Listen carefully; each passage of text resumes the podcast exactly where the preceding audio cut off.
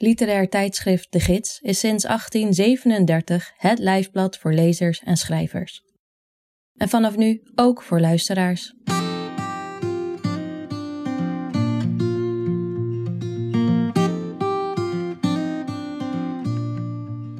Je luistert naar Sprekende Letteren, een podcast van literair tijdschrift De Gids, met in elke aflevering een verhaal, essay of poëzie voorgelezen door de schrijver of dichter zelf. In deze aflevering hoor je het essay O Ironie van Lise Evers, waarin ze laat zien hoe de erfenis van Gerard Reven, die zich bediende van ironisch racisme, via Theo van Gogh en Geen Stijl doorcijpelt naar de jongste rechtse generatie, met name sinds de vluchtelingenstroom van 2015. Luister mee naar Lise Evers.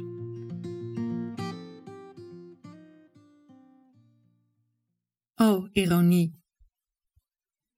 Toen ik de inmiddels beruchte Marokkanen-tweets van Thierry Baudet las, dacht ik onwillekeurig aan een geluid uit vervlogen tijden. Het zat hem in het ironische en het waarschuwende karakter van de tweet, maar het had ook te maken met de dierbare vriendinnen die door Marokkanen zouden zijn lastiggevallen. Toen de vriendinnen van Baudet in mijn gedachten opdoemden als roomblanke dochters, werd het me duidelijk.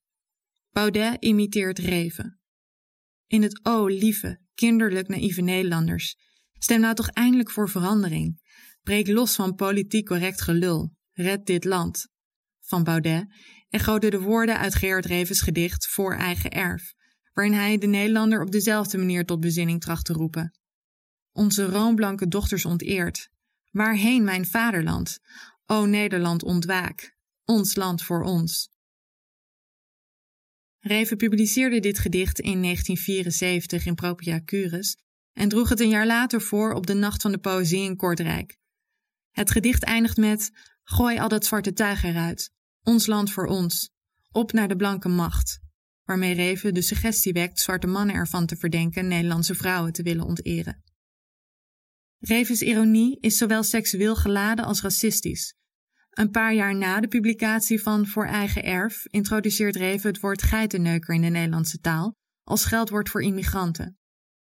Hij gebruikt het woord voor het eerst in een brief uit 1978. Er is hier geen traditie van fanatisme en destructie, zoals in die Arabische guitenneukerslanden. Maar een kleine groep militanten zouden de rest gemakkelijk kunnen terroriseren. In 1988 gebruikt hij het nog een aantal keer, ditmaal in de roman Bezorgde Ouders, waarin hij onder meer spreekt over zijn blonde blanke jongenslijf dat aan een bruin geitenneukertje moet worden gegeven. Het hoofdpersonage in Bezorgde Ouders, Hugo Treger, is bezeten van het idee dat zwarte, Arabers, Turkijers, bruine guitenneukertjes en andere volksvreemde en arbeidsschuwe elementen zich zullen wenden tot seksueel geweld tegen blanke en blonde jongens. Ironie als glijmiddel dat ongrijpbaar langs de waarheid glibbert. Tien jaar voor de publicatie van Voor Eigen Erf was het Reven die naar eigen zeggen werd lastiggevallen door Marokkanen. Maar ook in zijn geval blijkt door Marokkanen lastiggevallen worden geen ondubbelzinnige zaak. In de zomer van 1963 probeert Reven in te checken bij Hotel Muniria in Tanger.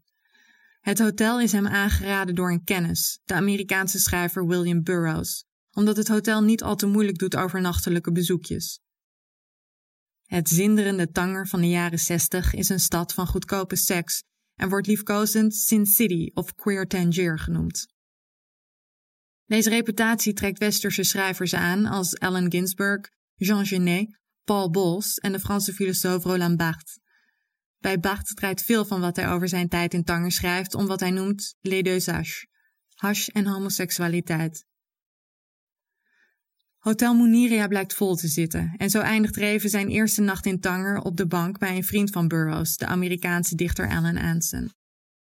Burroughs komt diezelfde avond nog langs en neemt bovendien wat vrienden mee. Reven schrijft aan zijn ex-geliefde Wim Schumacher dat hij Tanger niets vindt. De prijzen, het lawaai en vooral dat je de hele dag lastiggevallen wordt door mannen die je marihuana etc. willen verkopen en op het strand door jongens en jonge mannen die in de duintjes seks willen, honderden en die een dirham, 75 cent, of een pakje sigaretten of een koffie of een bier op het terras verwachten. Vandaar dat het een stad is waar alle verdorven, cynisch geworden homoseksuelen naartoe trekken. Verder is er ook nog wel niet-commerciële homoseksuele seks, maar alles is hier zo onromantisch en dierlijk dat ik me in geen jaren zo eenzaam en treurig heb gevoeld. Waren het werkelijk de armoede en de prostitutie die Reven zo aangrepen, of voelde hij zich eenzaam en treurig omdat hij de verleiding tegen deze door hem verachte verlokkingen niet had kunnen weerstaan en hij zodoende volgens zijn eigen definitie zelf een verdorven, cynisch geworden homoseksueel was geworden? In zijn brieven aan Wim Schumacher klaagt Reven nog over jonge Marokkanen die hem lastigvallen op het strand. Maar aan vriend Ludo Pieters durft Reven wel te vertellen dat hij avonturen heeft beleefd in de duintjes. Daarbij beklaagt hij zich over het transactionele karakter van zijn seksuele escapades. Natuurlijk, erkent Reven, ze zijn heel erg arm, maar prostitutie voor geld zegt hij iets gruwelijks te vinden. Hij plaatst de aanleiding min of meer buiten zichzelf en zegt: Enfin, ik heb de seks niet gezocht, maar ben er als het ware ingesleurd, doch gelukkig niet voor lang. In brieven aan redacteur van literair tijdschrift Tirade, Henk Mulder, en vriend Ronald Lucardi durft Reven pas echt met de billen bloot te gaan. De 17-jarige Mohammed Ben Bousham zou zo ontzettend hebben aangedrongen dat Reven hem uiteindelijk maar mee naar zijn hotel had genomen en seks met hem had. Na afloop gaf Reven Ben Bousham een smoeselige broek die hij zelf niet meer droeg. Misschien dacht Reven door een broek in plaats van geld te geven aan het transactionele karakter van de daad te kunnen ontsnappen. Maar zo makkelijk bleek dat niet te gaan. Jonge blij, maar vraagt godverdomme daarna nog om een dirham pour manger, hoewel hij wel doorvoet bij zijn ouders woonde. Bah, dit volk kent geen trots, geen schaamte, niets. De seks was trouwens ook niks. Volgens Reven biograaf Nop Maas heeft Reven in Tanger ook nog seks gehad met de 15-jarige Mohammed Stito. Of Stito na afloop ook een afgedragen kledingstuk toegestopt kreeg, vertelt het verhaal niet. Ten tijde van Revens verblijf in Tanger bevindt de Arabische wereld zich op een scharnierpunt. Marokko en Tunesië waren nog geen tien jaar onafhankelijk, terwijl Algerije pas sinds een jaar niet meer onder Frans bewind viel. Tijdens de kolonisatie van de Arabische wereld ontstaat er in het Westen een grote fascinatie voor het erotische karakter van het Midden-Oosten en Noord-Afrika. De ander, zoals de grondlegger van het Orientalisme Edward Said het voorstelt in zijn boek Orientalism, wordt in de koloniale periode gezien als vrouwelijk en seksueel beschikbaar, waarmee de penetratie van de regio door de masculine rationaliteit van de Europese geest wordt gerechtvaardigd. De met de dekolonisatie gepaardgaande migratiestroom van jonge Noord-Afrikaanse mannen naar Europese landen doet dit narratief kantelen. Er ontstaat een omgekeerd seksueel orientalisme. De Arabier transformeert zich van een passief naar actief subject. Hij ontpopt zich van een begeerlijk object naar een op seks belust beest, dat volgens sommigen zelfs een gevaar vormt voor het witte ras. Tijdens zijn verblijf in Tanger lijkt Reven de Marokkaanse jongens die hij tegenkomt niet als mensen te zien, maar meer als vliegen die opdringerig om hem heen blijven zoomen. In zijn brieven wekt Reven de indruk dat hij van mening is dat de twee minderjarige jongens God dankbaar zouden moeten zijn dat ze het bed met de grote volksschrijver hebben mogen delen. Terug in Nederland aanschouwt Reven de Marokkaan, Turk, Surinamer, eigenlijk iedereen die niet wit is, steeds met hetzelfde wantrouwen als de jongens in Tanger. Voor de Nederlandse schrijver Jacob Israël de Haan, in velerlei opzichten een voorloper van Reven, was niet Marokko, maar Palestina zijn cruise-terrein. In Amsterdam werd de Haan in 1904 als journalist en onderwijzer ontslagen vanwege zijn homoerotische sleutelroman Pijpenlijntjes. Een aantal jaren later, in 1919, arriveerde de Haan als Zionist in Palestina, waar hij vijf jaar later vanwege zijn inmiddels anti-Zionistische opvattingen zou worden vermoord. Een goed deel van zijn tijd in Palestina spendeerde hij op jacht naar Arabische jongens in Oost-Jeruzalem en het omringende Palestijnse platteland. Bij de Haan vinden we geen ontkenning. Integendeel, de haan vierde zijn verlangens naar Arabische jongens. En de enige ironie die we bij de haan aantreffen is zelfironie, zoals in het kwatrijn Twijfel. Wat wacht ik in dit avonduur? De stad beslopen door de slaap, gezeten bij de tempelmuur, God of de Marokkaanse knaap? De kwatrijnen van de haan staan in de traditie van de Persische dichter en mysticus Omar Khayyam, de 11e eeuwse meester van de Rubaiyat, aan wie de Haan in verschillende kwatrijnen schatplichtig zegt te zijn. Reven kunnen we in dezelfde traditie plaatsen. Net als de Haan verbindt Reef in zijn gedichten erotiek moeiteloos met religie. En net als in de Haans kwatrijn Twijfel, doen de geïdealiseerde, meedogenloze jongen en God niet voor elkaar onder. Revens gedichten kunnen in een nog bredere traditie worden geplaatst, die van de ghazal, liefdeslyriek uit de Umayyade-periode, waarin de schoonheid van de mooie jongen wordt gevierd. Deze dichtvorm vermengde zich met het genre van de gamria, poëzie waarin de geneugten van wijn worden geprezen. Het 16e-eeuwse Ottomaanse genre van de Jerengis, gedichten waarin lokale jongens, de ambachtsman of een winkelbediende, worden beschreven die de dichter zijn hoofd doen verliezen van dronkenschap, resoneert in Revens gedicht een nieuw paaslied, waarin hij duizelig van geilheid tegen mensen opbotsend een jongen de bijkorf involgt en vervolgens God aanroept. Ironie, zo zeggen de fans, vereist een goede verstaander. Wie zich geen goede verstaander weet, wordt humorloosheid verweten. Maar wanneer men de ander zoekt, is de dubbelzinnigheid van de ironie een anomalie. Revens Franse en Spaanse generatiegenoten Jean Genet en Juan Solo zochten juist toenadering tot de immigrant en deden dat door seksuele relaties met hen aan te gaan. Solo ontmoette in 1963 in een bar de Algerijnse arbeidsmigrant Mohammed, met wie hij een relatie kreeg en engageerde zich vanaf dit moment met de Algerijnse verworpenen der aarde die hij ontmoette. Hij stuurde geld naar Algerijnse families en regelde hun zaken met de Franse autoriteiten. In ruil hiervoor kreeg hij seks en Arabische les.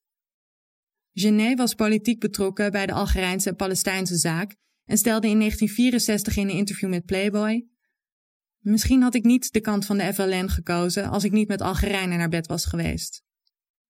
Dat is niet waar, waarschijnlijk had ik me sowieso aan hun kant geschaard. Maar misschien was het mijn homoseksualiteit dat me deed beseffen dat Algerijnen niet anders zijn dan andere mannen. In tegenstelling tot Reven vonden Goitisolo en Chenet een mens tussen de lakens. Goitisolo wilde niet alleen seks, maar ook Arabische les. Naast een lichamelijke verlangde hij ook naar een geestelijke ontmoeting. In zijn boek Avonden op het landgoed beschrijft Erwin Mortier Revens kennismaking met Hissan, de geliefde van Wouter van Oorschot en volgens Mortier een roestbreine woestijnparel met ranke leden. Het gezelschap komt bijeen voor een etentje in het huis van Van Oorschot in Frankrijk. Wanneer Van Oorschot en Hissan in de keuken hapjes gaan halen, vraagt Reven zich hardop af of Van Oorschot zich door die zwarte in zijn reet laat zitten. Tijdens het diner laat Reven aan Hissan weten van mening te zijn dat alle kleurlingen in Nederland terug naar hun eigen land moeten. White power, voegt Reven daaraan toe met zijn vuist in de lucht. Tijdens het diner, zo schrijft Mortier, lacht Hissan steeds beleefd om de grappen van Reven en knipoogt hij af en toe relativerend richting de rest van het gezelschap. De racistische erfenis van Reven zijpelt via Theo van Gogh, die het woord geitenneukers ook graag bezigde, en geen stel door naar de jongste rechtse generatie. Met name sinds de vluchtelingenstroom van 2015 waart de geest van Reven rond in hun discours.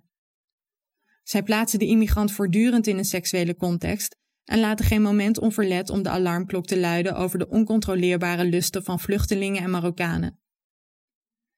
Herhaaldelijk tref je bij de nieuwste generatie op rechts een Reviaanse poging tot ironie aan. Op een verkrachtingszaak in Den Bosch reageerde een statenlid van Forum voor Democratie met de woorden: Het waren vast Scandinaviërs. Maar het waren geen Scandinaviërs en ook geen Marokkanen. Het waren Nederlanders. Wie ironie als stijlmiddel hanteert, laat de deur naar de ontkenning graag op een kier. De racistische ironicus wenst niet in het openbaar als racist te worden ontmaskerd, maar heeft tegelijkertijd als doel door gelijkgestemden te worden herkend. Deze balanceeract is uitgemond in een circus van clowns die doorzichtige trucjes uithalen met taal. Van Reven leren we dat de goede verstaaner niet diegene is die lacht, maar degene die de woorden precies begrijpt zoals ze aan ons worden voorgeschoteld.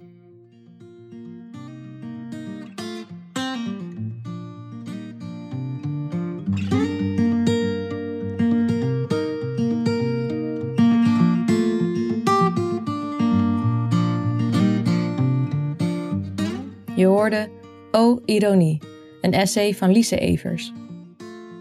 Evers is historicus en schrijft essays. Eerder werk van haar hand verscheen in DWB, hard hoofd en op dig.